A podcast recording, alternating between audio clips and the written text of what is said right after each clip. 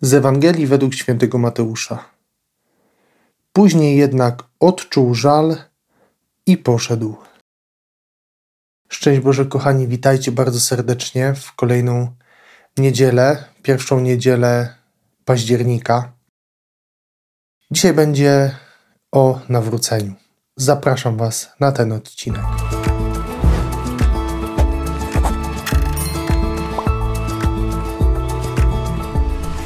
Mamy dzisiaj, kochani, w tej Ewangelii znaną, myślę, że każdemu historię, opowiadanie o dwóch braciach, którzy w różny sposób zachowywali się, jeśli chodzi o prośbę ojca.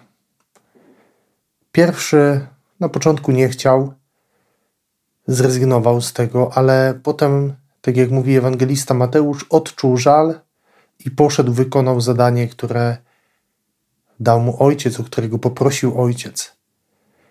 I drugi z tych braci, który na początek zadeklarował, że chętnie wykona wolę ojca, ale tak naprawdę na końcu wcale tam nie poszedł.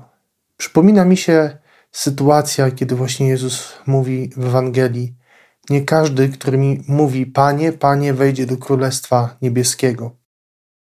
Że co z tego, że znamy Boga, możemy słyszeć Jego wolę, co już jest według mnie ogromnym wyróżnieniem dla jednego i drugiego, że on mógł usłyszeć wolę Bożą. Wiemy dobrze, jakie my mamy często z tym problemy. To nie wystarczyło tylko ustami zadeklarować, że tą wolę się wypełni. Dlaczego nawet słuchacze Jezusa zwrócili uwagę na to, że właśnie ten pierwszy syn, który niby najpierw powiedział, że nie wykona tego zadania, a potem poszedł i to zrobił, zmienił swoją decyzję, jest uznany za tego, który naprawdę wypełnił wolę ojca. Właśnie dlatego, że miał w sobie coś takiego, o czym mówi ewangelista Mateusz, czyli żal.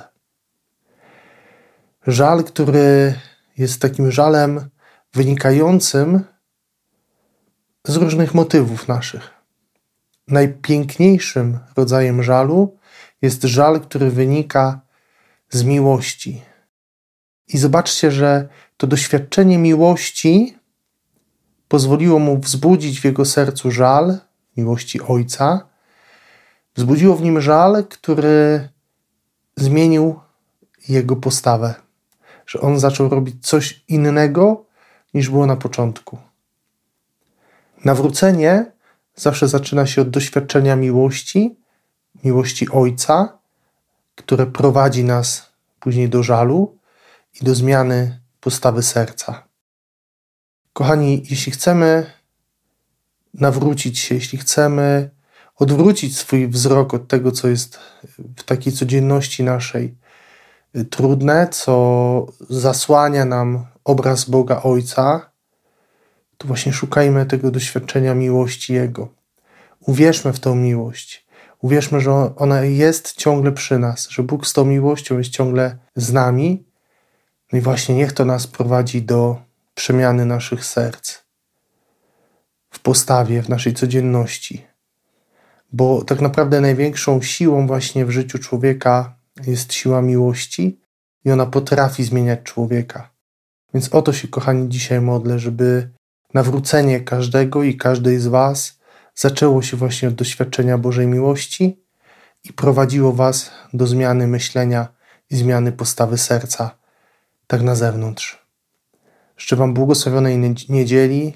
Dzisiaj trzymajcie kciuki i bądźcie z nami duchowo, bo w mojej nowej parafii w Jaktorowie będziemy przeżywali uwielbienie wraz z moimi przyjaciółmi zagramy, zaśpiewamy na chwałę Pana, będziemy zanosić modlitwy uwielbienia e, tego wieczoru, niedzielnego wieczoru, bo Bóg jest godzien wszelkiej czci i chcemy to wyśpiewać, chcemy to e, pokazać całym naszym sercem, całą naszą postawą. Błogosławię Wam na dobrą niedzielę. Trzymajcie się dzielnie. Do usłyszenia i zobaczenia już wkrótce. Z Panem Bogiem.